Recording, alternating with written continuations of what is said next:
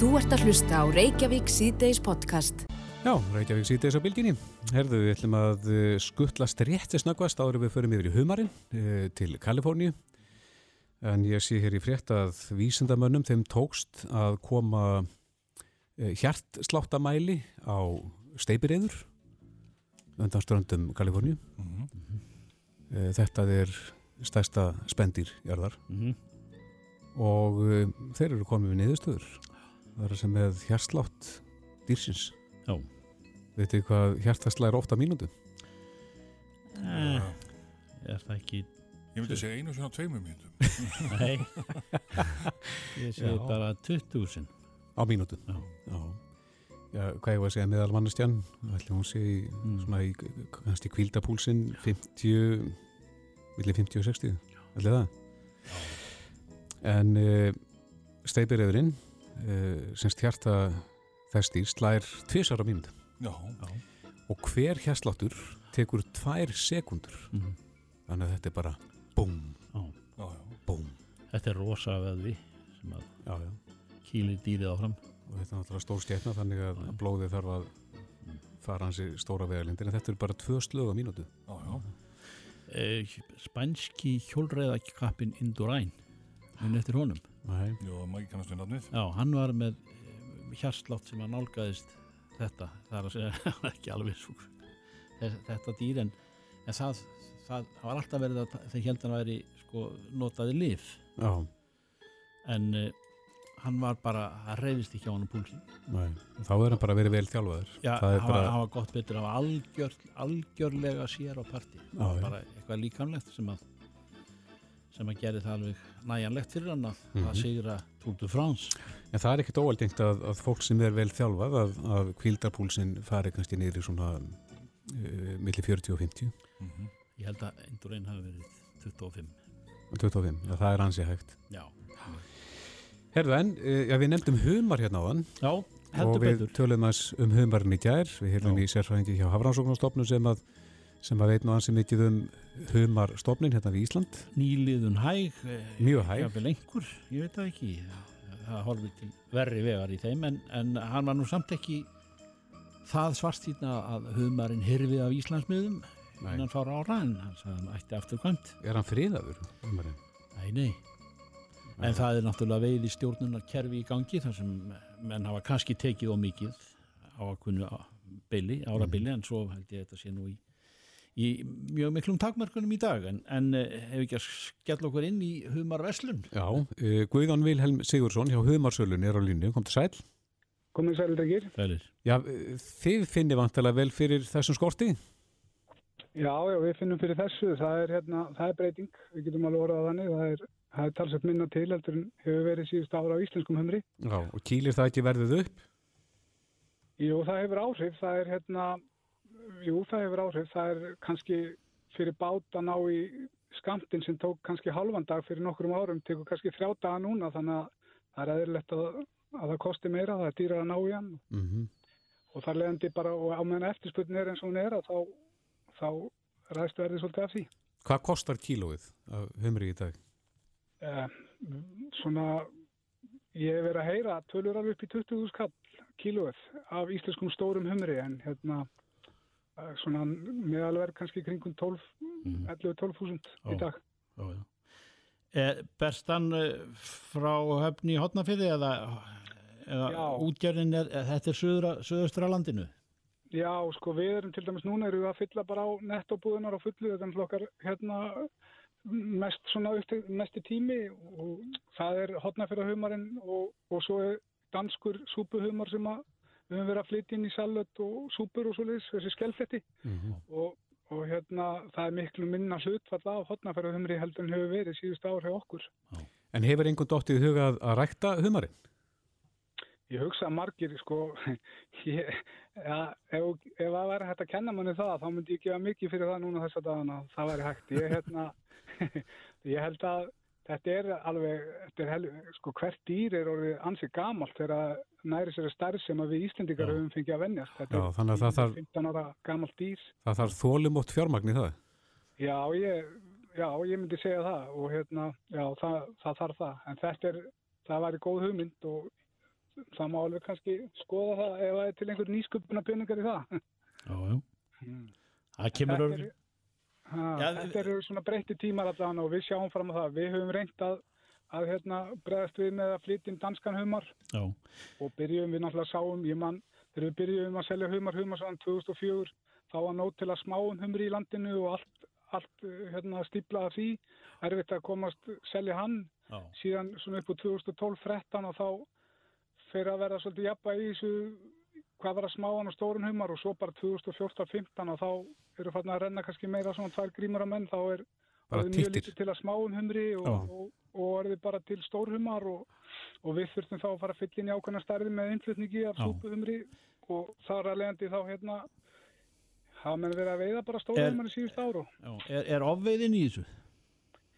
maður veit það ekki, það, ég veit það ekki, ég þór ekki að segja það en það hafa komið menn til mín svona gamlir humar hundar og bent manni á síðust ára, þetta get ekki end, endaður í sjaldurinn með óskupum þar sem Mm. að bæði stærð skipa og stærð veiðafæra og lenging á veiðtímabilið síðust ár hefur, hefur verið að þessi stað og margir hafa, eins og segið, þessi gamli humar, sjóhundar, gam, gamlir humarskipstjórar og svolítið hafa verið að benda manni á að, að þetta geti enda illa á og ég veit ekki hvað hefur gert sko. Er, er munur á bragði, e, kannski frá humri úr miðjarahafinu eða á Já.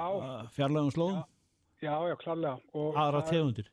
Já, það verður að segja þess að vera þessi leturhumarendar sem við erum að selja og við þekkjum inn á Íslandi, veiðum inn á Íslandi og, og flytjum inn frá Danmörku, hann er alveg einstakur og hvað var það bragð. En íslenski humarinn, sama hvað menn segja og þó myndi henda mér mjög vel að segja núna að danski humarinn væri jafngóður, að þá er íslenski humarinn sér á báti. Hann er alveg rosalega góður. Hann nær bæði flottri stærð og það er, hann er í kaldari sjó, hann, hann þroskast í kaldari sjó og, og það eru bara, hann er mjög góður og, Já. og hérna en sá sem svona kemst næstónum kannski getur í þessum leturhumri er þessi danski humar. Hann, hann kemst eins nálatunum en ekki þessari, næri ekki þessari stærð. Er það samdóma álit, það er að segja, segja útlendingarnir það líka að sá íslenski sé betri?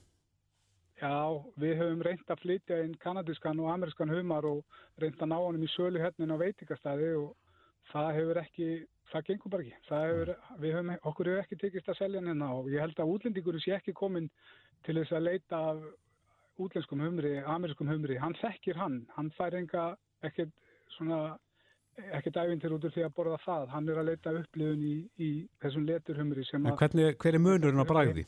Hvernig myndur þú stýra hann? Ég myndi segja að þessi stóri humar er kanadíski sem dæmi, hann er bara bræðlausari, hann er grófari, hann er miklu starri og grófari og hann er bara bræðlausari, hann er hann nær ekki sama bræði og ef við myndum bera saman íslenska humarinn við allan annan humar þá er hann svona sætari. Eh, kokkanir hafa haldið því fram ekki tíðin og þessir humar svona speklurantar að hann er sætari menn finna sætari keima á honum og það getur verið út af því að hann er kannski kaldari sjórin hérna heldur en annars staðar það sem humar er veitur. Og þjættari og það eru svona ákveðni punktar sem íslenski humarinn hefur fram yfir annan humar og þess vegna skulum við bara vona að þessi stopp sé ekki að fara að deyja út af því að þetta er einstakur stoppn á heimsvísu hvað var það gæði Já, og líka bara meðhandlun á veiðum og vinslu við erum búin að ná mjög langt þarna já. Við erum að passa upp á þetta lostæti. Já, og sérstaklega líka við það, það sem þetta er gríðarlega hefð. Það er mjög mikil hefð hérna fyrir humar á jólum. Humar í humarsúpu sem dæmi er, er mikil hefð en við erum sem betur fyrir ekki í skorti þar. Við höfum geta flutt hann inn frá Danmörku en þessi stóri íslenski jólahumar það, það er mikil hefð fyrir honum og, og hérna skulum vona að hann sé ekki að fara deyja út. Er hann alltaf að verða vinsalli og vinsalli?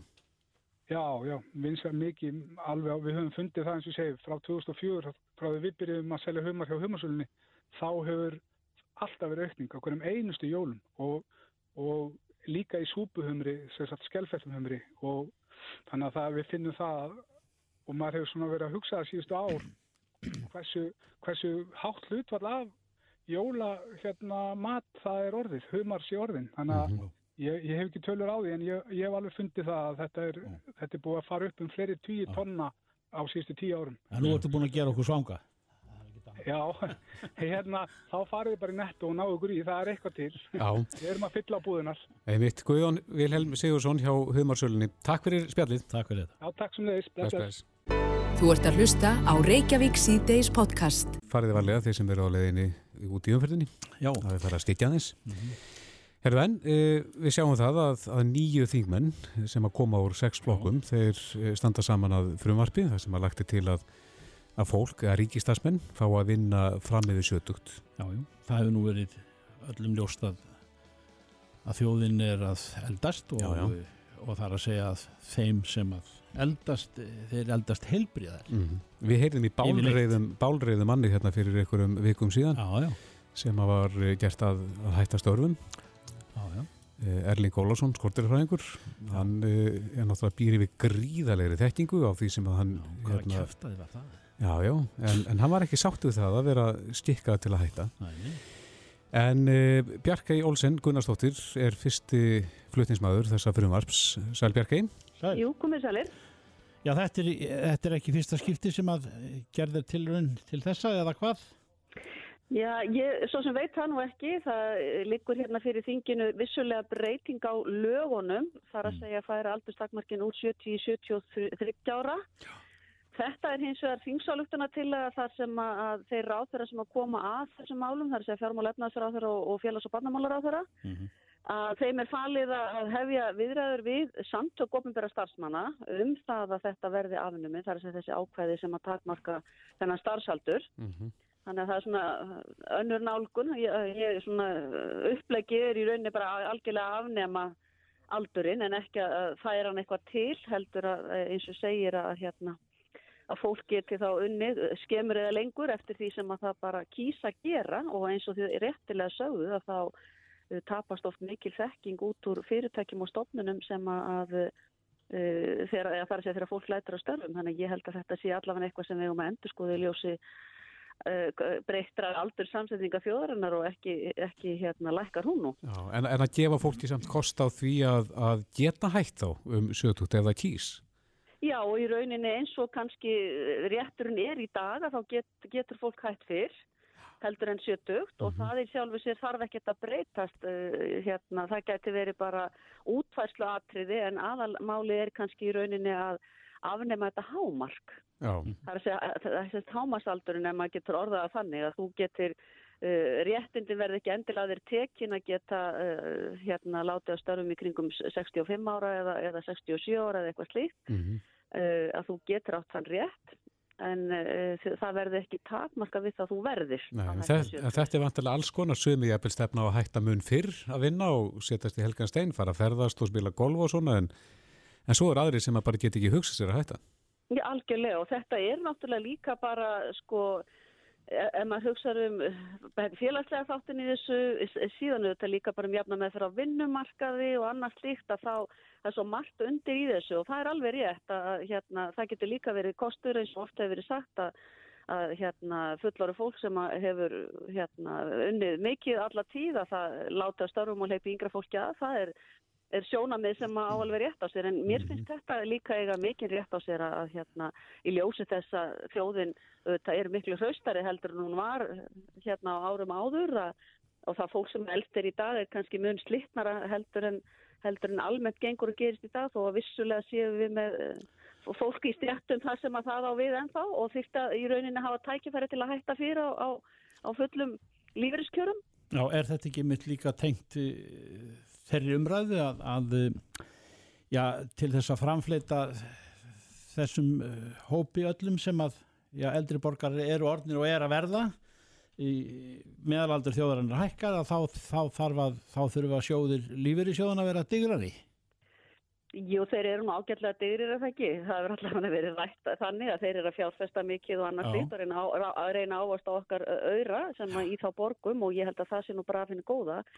En þetta auðvitað bara snýst fyrst og síðast um, um þetta kannski akkurat það sem að, að þið byrjuð á því að vitna í að þegar að fólk er hraust og, og það hefur starfstrek og orku og, vilja Mm og jafnvel með mikla sérþekkingu sem að uh, er kannski jafn, fágætt að þá er það svolítið sérstætt að við skulum skipta þetta fólk út á markarum og svo er það þetta líka þannig að við þekkjum það að, að fólk sem er uh, samkvæmt lögunum í dag neitt til að hætta, það er jafnvel að sinna einhverjum sérverkefnum og öðru slíku fyrir ofnbæra stofnanir í framhaldinu. Mhm. Þannig að mér er miklu hreinlegra að þetta verði tekið upp en auðvitað þarf að, þetta er eitthvað sem að uh, þessi samtöks þurfa, hérna, ofnbæra starfsmanna þurfa að ræða Já. og komast að einhverju samkómulega um hvernig er best að nálgast. Mhm. En þetta er allavega finnst mér eitthvað sem að, að uh, þarf að fara að taka alvarlega og, og, og ræða fullri alvöru Já. án þess að nokkur tapi neinum réttindum með einhverju slíku. En stiljiði rétt, viljiði afnema mörtni bara alveg þannig að fólk geti bara unnið Já, þá eins lengi og það getur og hefur vilja og kraft til. já, það er upplegið í, í þessari tillögu að það verði hort til þess. Þannig að þeir sem hafa verið stikkað til að hætta þá ef að þetta verður að veruleika bara núna fljótlega þá geta þeir bara sótt um aftur hjá ríkinu eða Já, í sjálfu sér sko, kjósið er það, að þá er ekki, ekki sem að hamlar því. Og e- eins og ég talaði um áðan að við getum verið með fágæta sérþekkingu sem ekki margir búa að, sem að þarf að kaupa í sérfræði þjónustu af einstaklingi sem er kannski 73 ára, bara, bara af því að hann má ekki vinna samkvæmt núgildandi lögum Mm. til dæmis, en eins og ég segi, svo er þetta líka bara félagslegt eins og þið þekkið og, og það að fólk hefur bara þreg og vill vinna. Og mér finnst það svolítið sérstætt að hérna, það sé, sé einhver eh, lög sem að ákveða það fyrir margt löngu, sett 54 að, hérna, að á þeim sé byggt eh, 2019 Já. að, að hérna, það er sama auðvitað á alls ekkert við í dag og átti við þá á þeim tíma þegar þessi lög voru sett. Menni. Og svo er náttúrulega ástæða til þess að ætla það að eftir því sem að frálsræðið er meira í þessum öfnum að, þeim meiri minni áhyggjur hafa menn af stálslögum þá er hún tekin á kannski eigin forsendum en ekki samkvæmt kerfinu á þessum degi og á þessu ári. Akkurat, það skiptir líka miklu máli að þetta held ég bara einmitt fyrir, fyrir bara hérna, einstaklingin að geta svolítið sniðið það að eigin þörfum og það fyrirtæki sem segja stofnunarinn sem viðkomandi starfar hjá að það sé þá gert í, í því samkomulegin ekki að því að, að hérna, klukkan sló 12 og þá er ég orðin 70 og þá verð ég að hætta. Einmitt. Stimplarið út, bless. Já, stefnar þið bara út á bless, sko. Þannig að það er svona, já, ég held allavega að þetta er umræða sem að, sem að þarf að taka og, og eru auðvitað búin að vera í loftinu að breyta þessu ein- eins og við þekkjum, en, en hérna, mér finnst þetta að vera eitthvað svona sem að Uh, þetta er svona kvartning í rauninni til, til ráðherrana og samtakana sem að uh, fara með umbóðu í rauninni fyrir ómbæra starfsmenn að, uh, að svona uh, ta taka þetta alvarlega og fara, fara að skoða þetta. Mhm. Er- að ég vona það sannlega að bursi frá því hvort að þetta málnæri gegnið ekki að þá eigi þá bara samtökjum frumkvæði af því ef, að- að svo ber undir. Er þetta þverrpolítist?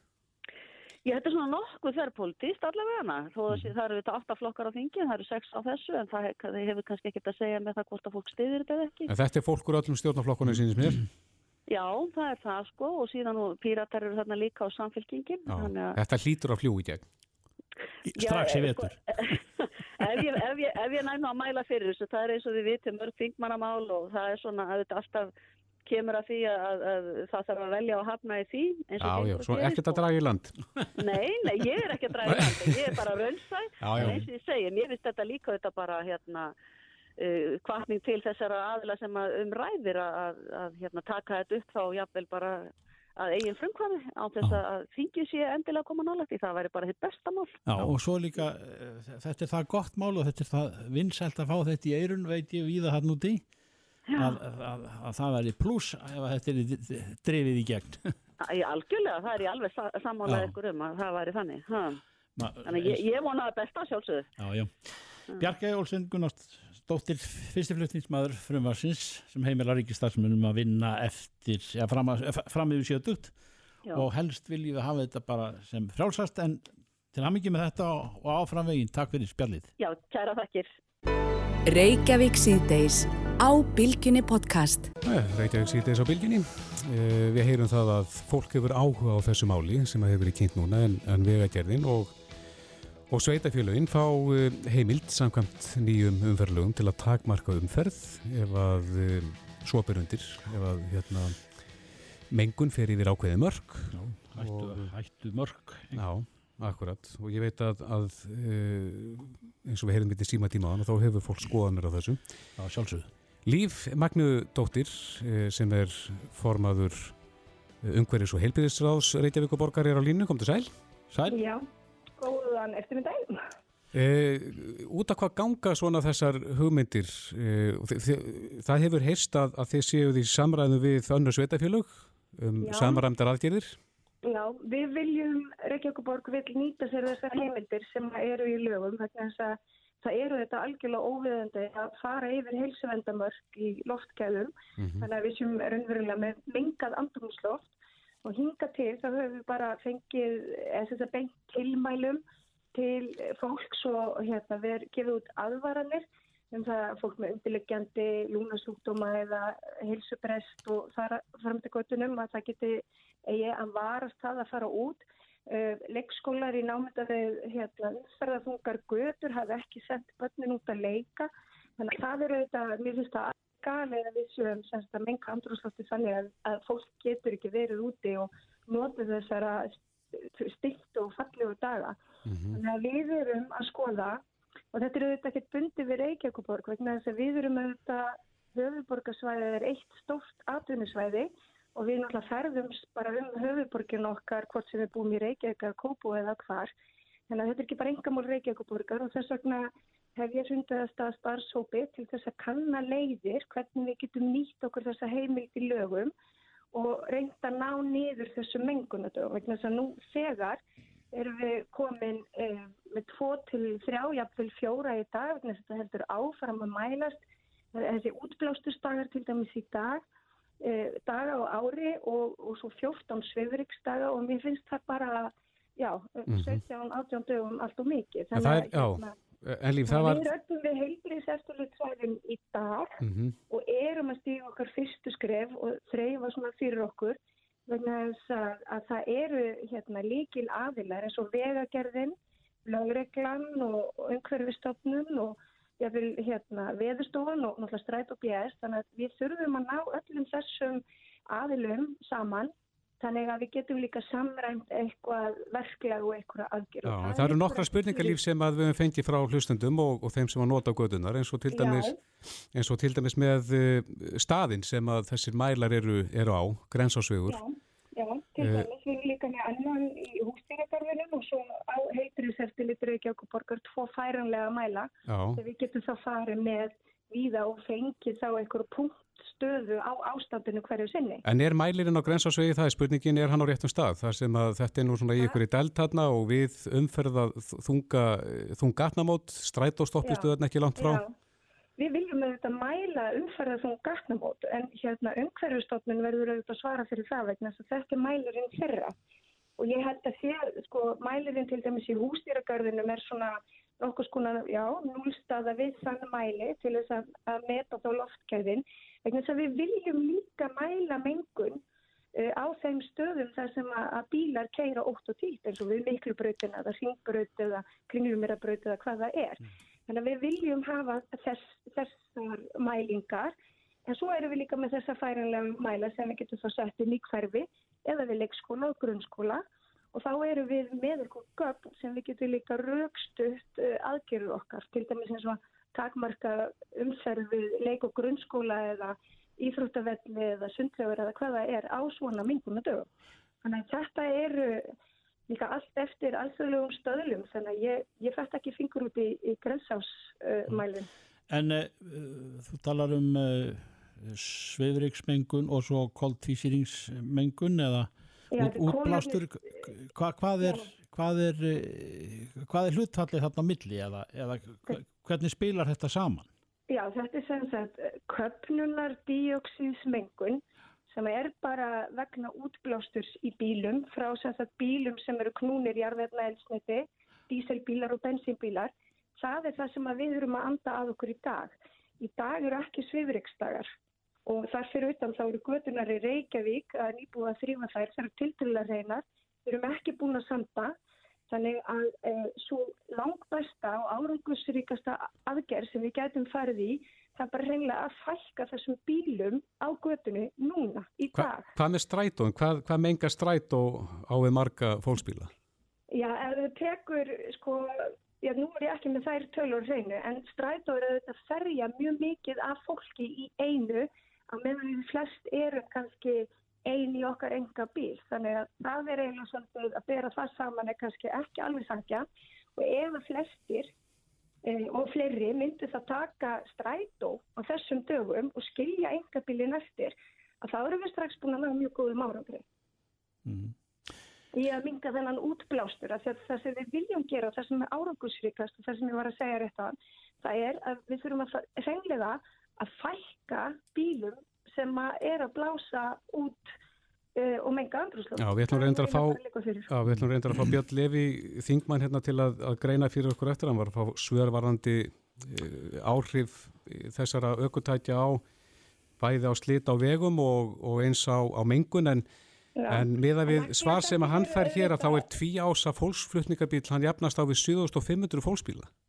Það, já, það eru þetta svakalegt og þetta þurfum við alltaf að skoða í okkar yfirstandandi vinnu.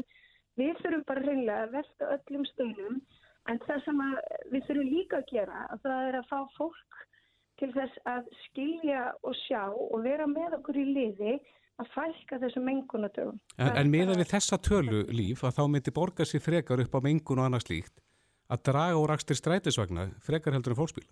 Við erum meðvita, við viljum meðvita að strætisvagnar, strætisvagnar eru alltaf vistrætti kostur, alltaf umfram engabílinn, vegna þess að það, náttúrulega er almenningsferðamáti sem er umhverfisvætni. Ef, ef að e eitt aukotæki jafnast á við 7500 fólksbíla?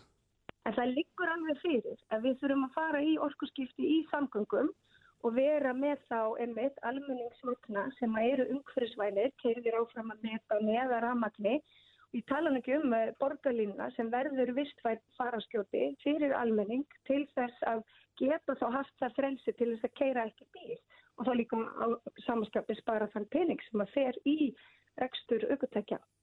Þannig að þetta er allt stóra myndin en núna, ákveður núna, þá þurfum við að horfast í auðvið það að andrúnslöftu okkar er mengað og besta leiðin til þess að minga þá mengun er að leggja bílum. Mm -hmm. En, en varðandi framkvæmdinn á þessum, það hefur verið talað um það að, að binda þetta við bílnúmer, ottatölur eða sléttatölur, hvernig sjáu þið það fyrir ykkur? Það liggur ekkert fyrir í þeim efnum við þurfum bara að skoða alla kosti. Við getum líka kannski takmarka bílaumferð við bílaframleita eftir 2009 eða hvað það er. Við þurfum að sapna gögnum og fá yfirlit yfir hvað er árangusríkast að gera.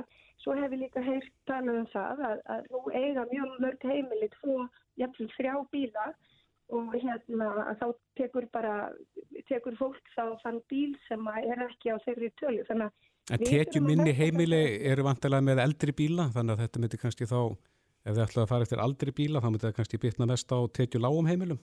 Já, eins og ég segi að þá likur ekkert fyrir í útfæstunni en við erum tilbúin til þess að skoða allt. Þannig að, að það er vinnan sem við vorum að hefja Uh, og svo erum við bara eftir að eiga í samtali við vegagerðina og laurugluna og strætópjæs og, mm. og hérna fyrir er, þannig að þetta er allt ótvært. Er, í, er þetta í samstarfi við eh, vantanlega önnur sveitafélög á, á höfuborgarsvæðinu, ekki satt? Já, þau, já. Eru þau... Við áttum með mitt fund í dag með heilbyrjus eftir nýtt svæðum sveitafélagina á höfuborgarsvæðinu, það er bara mjög góði fundur. Já og ég held að, að það sé mikið í húfi fyrir almenning og fyrir bara heilsu fólks og umhverfið. Já, eh, og hann gekk vel þessi fundur, það, það er samhljómur í, í því sem að þið eru að tala saman um? Hann var góður, já, vissulega, ég held að, að við getum öll verið sammála um það að við viljum ekki menga fyrir okkur og að við þurfum að ná að þessu mengunatölum nýður eins og við getum. Mm -hmm. Held að séu allir saman um það. Líf Magnuður Dóttir, formadur umhverfis og helbyrðisráðs Reykjavíkur. Kæra þakki fyrir þetta. Takk. Takk eða fyrir. Þetta er Reykjavík C-Days podcast. Jæja, herru við sjáum hérna í eina vísi.is að lauruglan á vestfjörðum eh, auglísir eftir Karlmanni byrti myndir, tvær myndir af innbrotstjói sem var bröst inn í Hamraborg á Ísafjörði aðfarnótt sunnudagsins 2004. november síðastliðin og uh, ég vil að segja það að þetta eru bara ansið góða myndir af þessu manni. Þetta eru er bara beint úr fjölskyldalbúmunu ef, ef að það er til staðar Það var nú eitt sem að sagði hérna, það var í nánast að telja nasahárin en, en ég segi það nú ekki en, en eh, þessi maður þekkist já. á nefa og, og þar hafa nú verið miskóðar þessar myndir úr þessum örgismyndafölum og uh, sumstaðar eru þessi máli ekki nógu góða horfi þar sem að það sem að lauragla verið með að stiðast við myndir úr þessum vélum mm. en við veltum fyrir okkur hvaða tæki og tól eru svona nýjust í baráttunni gegn eh, þjóum, innbröðsþjóum og þá bæði fyrirtækjum og, og heimahúsum mm -hmm. eh, hann er komin til okkar maður sem að veit eh, allt um þetta Fannar Örn Þorbjörnsson, frangvandastjóri Sölu og þjónustusviðs Securitas, velkomin. Takk fyrir. Já, ef við rennum að segja við svona nýjungarnar í þessu, það er náttúrulega tækninir flegið fram í, í þessum gera, eins og öðrum. Já, já, það er rétt, uh, bara mik mjög mikla tekník framfærir í, í, í þessum málum mm -hmm. uh, eins og bara almennt í tæknimálum í heiminum uh, og þá sérstaklega í myndavela búnaði og mynd, myndavélum mm -hmm. það eru alltaf að verða fullkomnar og fullkomnari og og alltaf að vera að bjóða nýjar og nýjar útgafur af þeim sem að er að, er að, að hérna, leysa ímis erfiðar aðstæður sem að við erum oft búum við hérna á Íslandi bæði mm. vondvöður og, og, og myrk, myrkra tímar hérna yfir háveturinn sem, mm. sem að hefðbundnar myndavilar sem eru ekki ekki af ákveðnum gæða stöðlum að það, það er, er ekki að ná að greina myndinni jafn vel. Nei, það, það er semst að færi bara vennris fólks í dag að kaupa sér svona hátjaða vélar á, á góðu verði. Það var ekki þannig. Já, já, það, það er svo sem hægt að kaupa hátjaða vélar uh, við svegar mm -hmm. um, og, og setja bara upp sjálfur. Það er svo sem margi sem bjóð upp á það. Mm -hmm. um, En auðvitað er líka verið að selja fullt af, af, af vélum bæði á netinu og hérlendi sem eru ekki hákjæða vélar. Mm -hmm. um, þannig að það þarf svona að hafa ákveðna þekking á því hvernig hérna, maður á að velja vélarnar mm -hmm. Og, uh, og þá líka út frá þeim aðstæðum sem þú ætlar að nota vélarnar í. Mm. Gerir fólk sér grein fyrir því að, að það geti þetta? Kipt myndavélar sem taka ágættismyndir í myrkri? Já, það er svo sem allur gangar á því sko. Um, ég held svona, ef við hórum bara á almennan heimilsnótanda, þá kannski er hann ekkit uh, mjö, með mjög mikla þekking á því hvaða myndaðalar þarf að velja í hvaða aðstæður. Mm -hmm. Það er náttúrulega í þessum starri fyrirtækjum, það sem eru kannski öryggi steildir og, og, og svona aðalar sem hafa mikla þekking á þessu, þeir, þeir, hérna, þeir náttúrulega hafa meiri þekking á hvaða myndaðalar á að velja. Uh, en við hjá Sigurdas erum náttúrulega með sérfræðinga í þessum málum og sérfræðinga líka bara í sko, uppsetningu á myndavælum á rétt upp stöðum þetta mm -hmm. er ekki mhm. bara að kaupa sér hágæða myndavæl og svo setja hana upp einhver staðar þar sem hún nýtist ekki í, í þeim tilgangi sem hún er ætluð En hvar liggja framfæriðnar helst í, þegar það kemur að svona vörnum gegni afbrótum? Sko, í, ef við horfum á myndavæla kerfin sjálf þá náttúrulega eru komin svona auka virkni á þessi myndavél að kerfi oft það, það er eitt að vera með myndavél sem er bara í upptöku og þú, þú notar hana bara þegar að hérna, eitthvað gerist að þá spólar við bara aftur í, í upptökunni og fer að skoða hvað var að gerast mm -hmm. um, en svo það sem kannski er búið að gerast núna mikið eh, upp á síkasti, það er alltaf að koma meira og meira og betri myndgreiningar uh, hugbúnaður á bakvið myndavél kerfið. Gerfigreind. Já, svona hálfur gerfigreind uh, og, og þá virkar það í raun og veru þannig að þú bara getur þess vegna verið með þína myndavel uppsetta og hún er bara í hefðböndinu upptöku en, en í flestum myndavelum í dag um, eru svona, svona tveir ströymar sem kom út á myndavelni og þá getur annar ströyminu bara verið að sinna þessu hefðböndna sem við þekkjum bara í upptökunni en svo er hinn ströymurinn notaður til þess að, til þess að fara inn í svona myndgreiningaserver. Mm -hmm. Og hvað gerir hann? myndgreiningarserverin sjálfur hann, hann tekur efnið sem hann fæ frá myndavelinni og greinir óeðlilega hegðun uh, á, á því sem myndavelin er að taka upp og, og þetta er núna meir og meir bæði á heimilsmarkaði og, og líka á fyrirtækjamarkaði orðin starri og starri sko, þáttur hjá, hjá þeim aðlum í, a, í að venda sín, sín, sín, sín hús og, og umhverfi. Og lætur vita af því. Já, og, og það, það er semst að virka bara þannig að þú, þú stillir hann í raun og veru bara eftir þörfum viðskiptarins og sem dæmið sem eða út með bara tömlins fyrirtæki og vilt hérna veist að starfsaminn er bara til fimm á daginn og eftir það þá, þá viltu samt ekki að sé einhverjur á vappi þannig kringum fyrirtæki sem hugsanlega er að undibúa eitthvað, eitthvað misjamt að þá getur til dæmis bara verið með stilt í myndgrunarkabúnanum að eftir klukkan 5 á daginn að þá, þá lætur hann vita af, af, af allri óæðilegri hægðun á svæðinu sem hann skinnjar á meðan að til dæmis kannski á hefðbundum vinnutíma er hann alveg að skinnja sama sumu hægðun kannski en hann er ekkert að láta vita af því. Mm -hmm. Þetta er mhm. allt stillanlegt og, og, og þú veist fyrirtækin eru bara svolítið við klæðskerast nýðum það svolítið bara eftir fyrirtækinum og eftir þeirra þörfum og það sem að gerist líka er að, að, að sko, myndgreiningabúnaðun skinnjar sko, veist, er þetta manneskja sem er, sem er á ferðinni eða er þetta dýr? Og, og þú veist við höfum minni áhugjur af dýr sem að fara að byrja út að stinn þannig að það, veist, þetta stilla búnaðan hann er ekkert alltaf að vita þú að það sé einhver hundur eða kvöttur eða fuggli eitthvað að væplast þarna á svæðinu. Mm -hmm.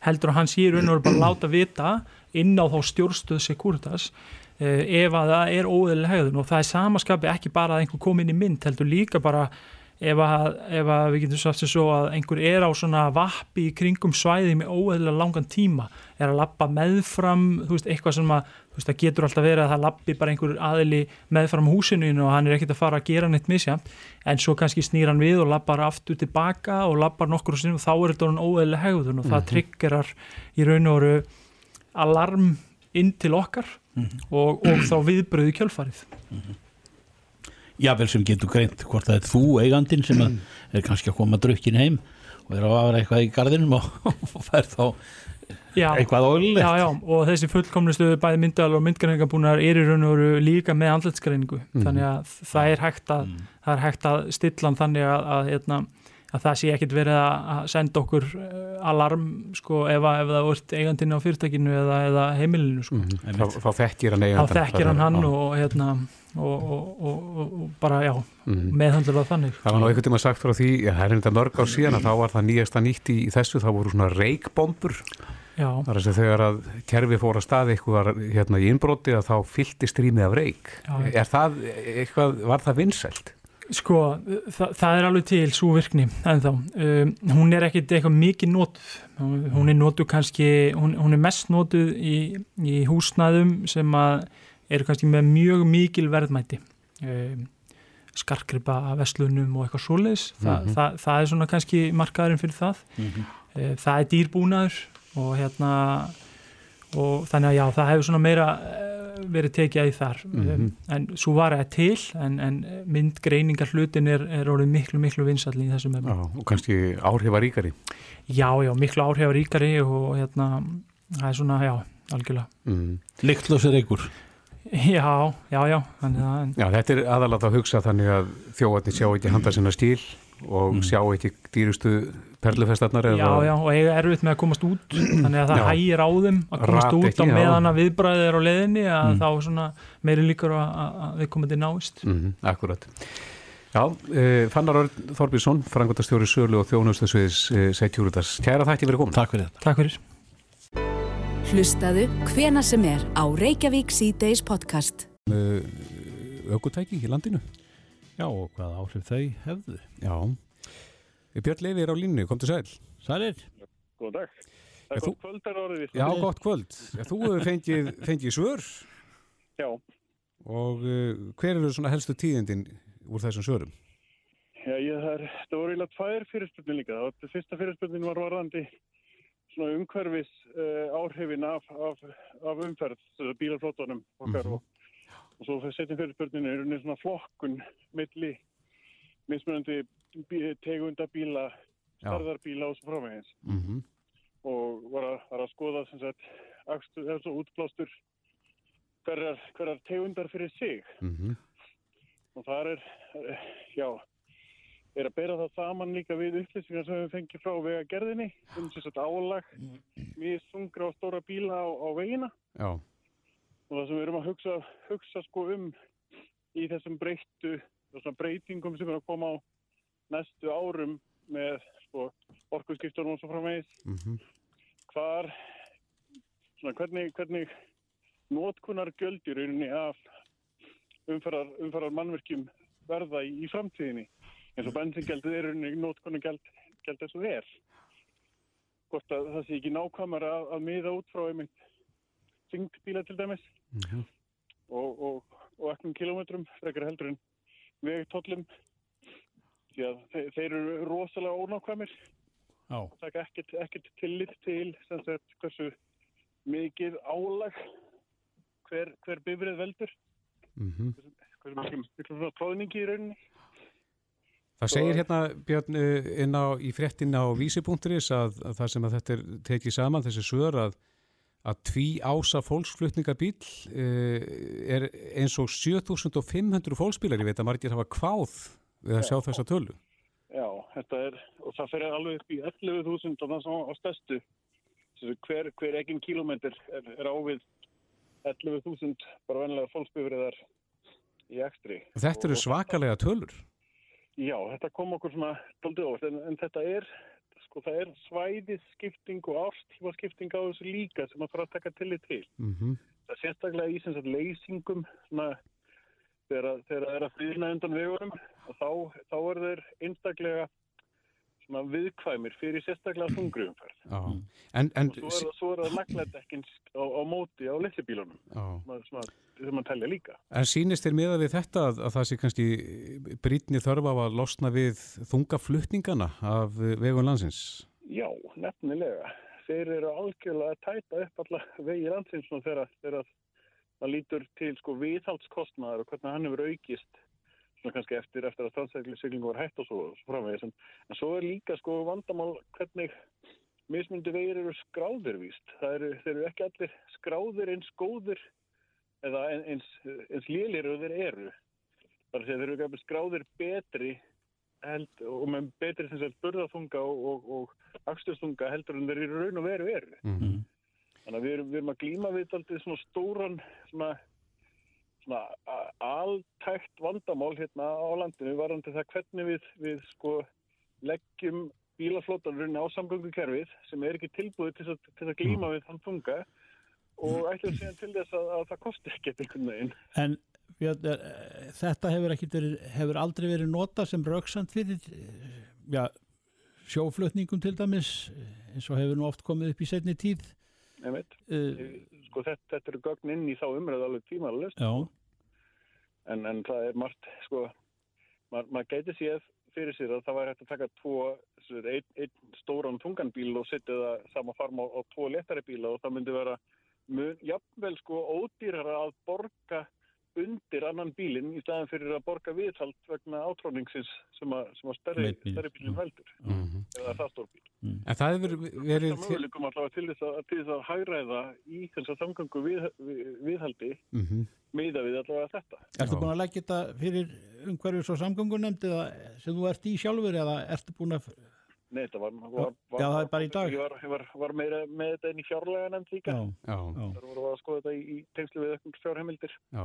En Björn, að því að, að því að við erum að tala um það að þessar tölur hafa vætið mikla aðtegli að því að nú er stefna borgarina til dæmis að fá fólk úr engabílunum upp í strætó.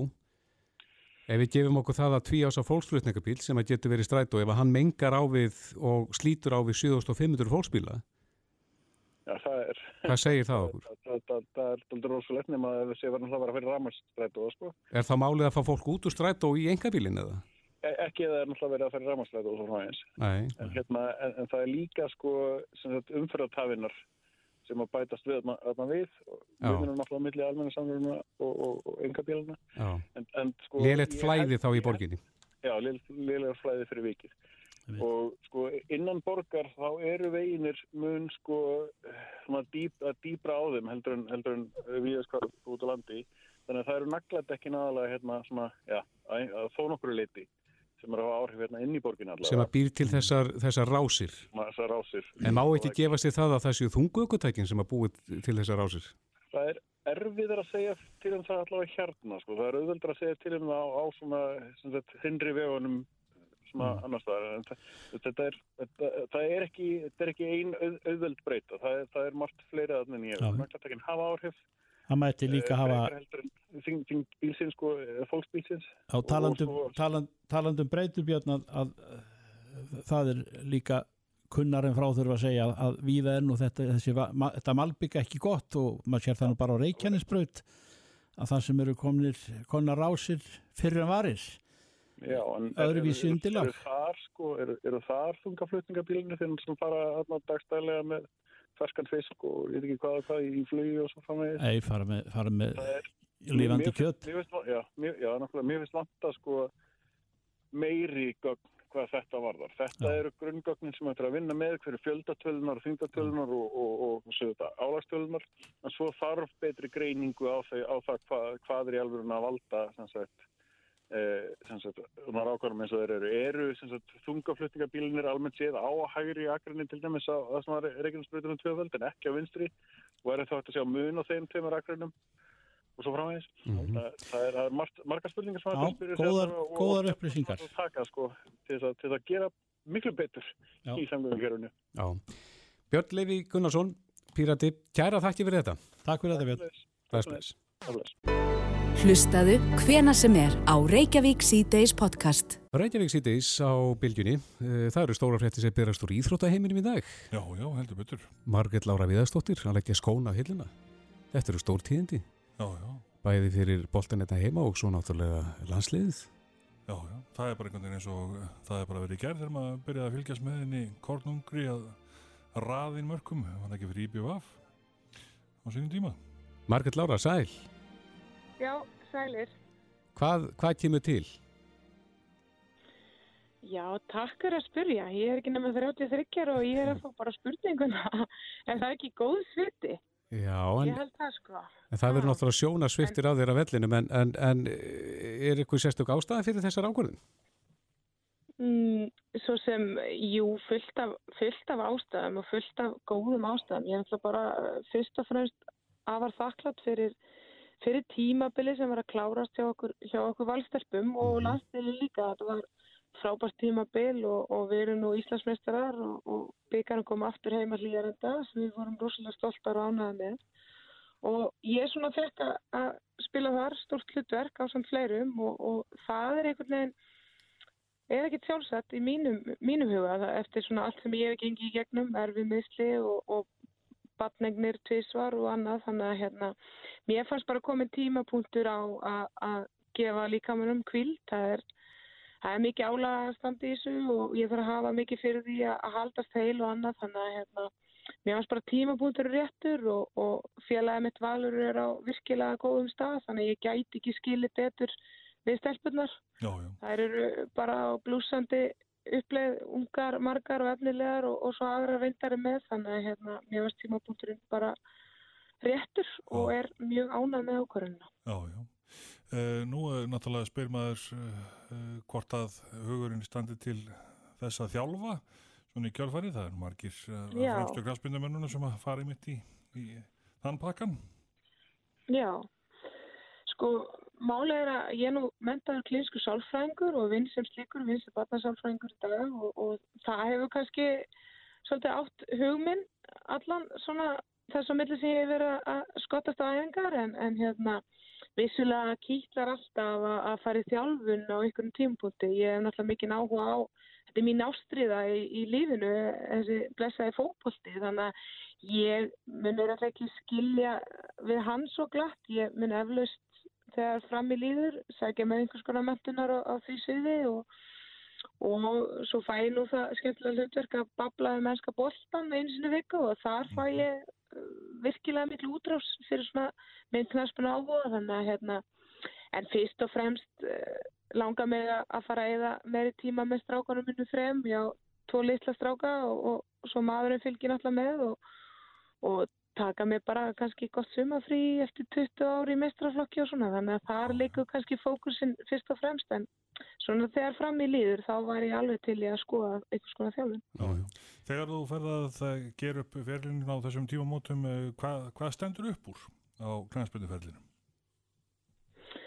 Já, þetta er mjög góð spurning. Ég hef bara einhvern veginn verið svo lansum að, hérna, vera í frábærum liðum og, og, og haft frábæra þjálfara einhvern veginn leðinni sem hafa kent með margt og, og mér finnst ó- ótrúlega erfitt svona einhvern veginn að gera upp á milli barnana minna það er að segja tillana því að þeir hafa verið nokkris og hérna átt frábæra feril hérna heim og erlendis og svona sem íþróttakona og einstaklingur í, í, í hóp, hluta hóp og íþróttan það var íþróttamaður ásins 2007 er náttúrulega svona eitt af stærsta í, í, á mínu ferli en, en, en það sem er mjög stærfitt að gera upp á milli tillana en, en samt sem áður það sem stendur upp úr hjá mér er fyrst og fremst að hafa náða að miðla til annara og, og, og vera fyrir, fyrirmynd innan ykkur að gæsa lappa og, og, og svona bara eignast þessa vinni og, og kynst allir þessu frábæra fólki. Ég held að það sé það svona sem að stendur upp úr fyrst og fremst og að hitt sé auðvitað gaman með. Maður er nú kjarnismannski og maður vill alltaf vinna þannig að það er stór partur að þið líka en, en, en svona fólki sem að maður kynist á leðinni það því gleymir maður aldrei. Nei. Er líklegt að þú farir að uh, þjálfa? Og fer það ekki ákveðlega sama við uh, að vera klínisku sálfræðingur? Jú, ég held að það fara nú alveg ágjörlega saman en, það náttúrulega bara fer mikill tími í þetta að maður ætlar að gera það vel og, og eins og, eins og mér líði núna þá, þá langar mér aldrei bara líka að fá að elda kvöldmatt fyrir strákana mína og, og fara með þá á æfingar og, og, Já. og sinna öllu þessu sem að maður kannski getur ekki sint eins vel þegar maður er á fullu í íþróttum. Komið tíma að setja fjölskylduna í fyrsta seti. Já, vera bara einhvers konar húsmóðir með öðrum störfum en, en eins og ég segi, vissilega kýtlar að fara að þjálfa en, en það er eitthvað sem er með langar að bara vinna hægt og rólega í og, og fara hægt og rólega að nefta mig á þessu sviði og, og kynna mig það vel hvort að það sé ekki eitthvað sem á við mig. Já.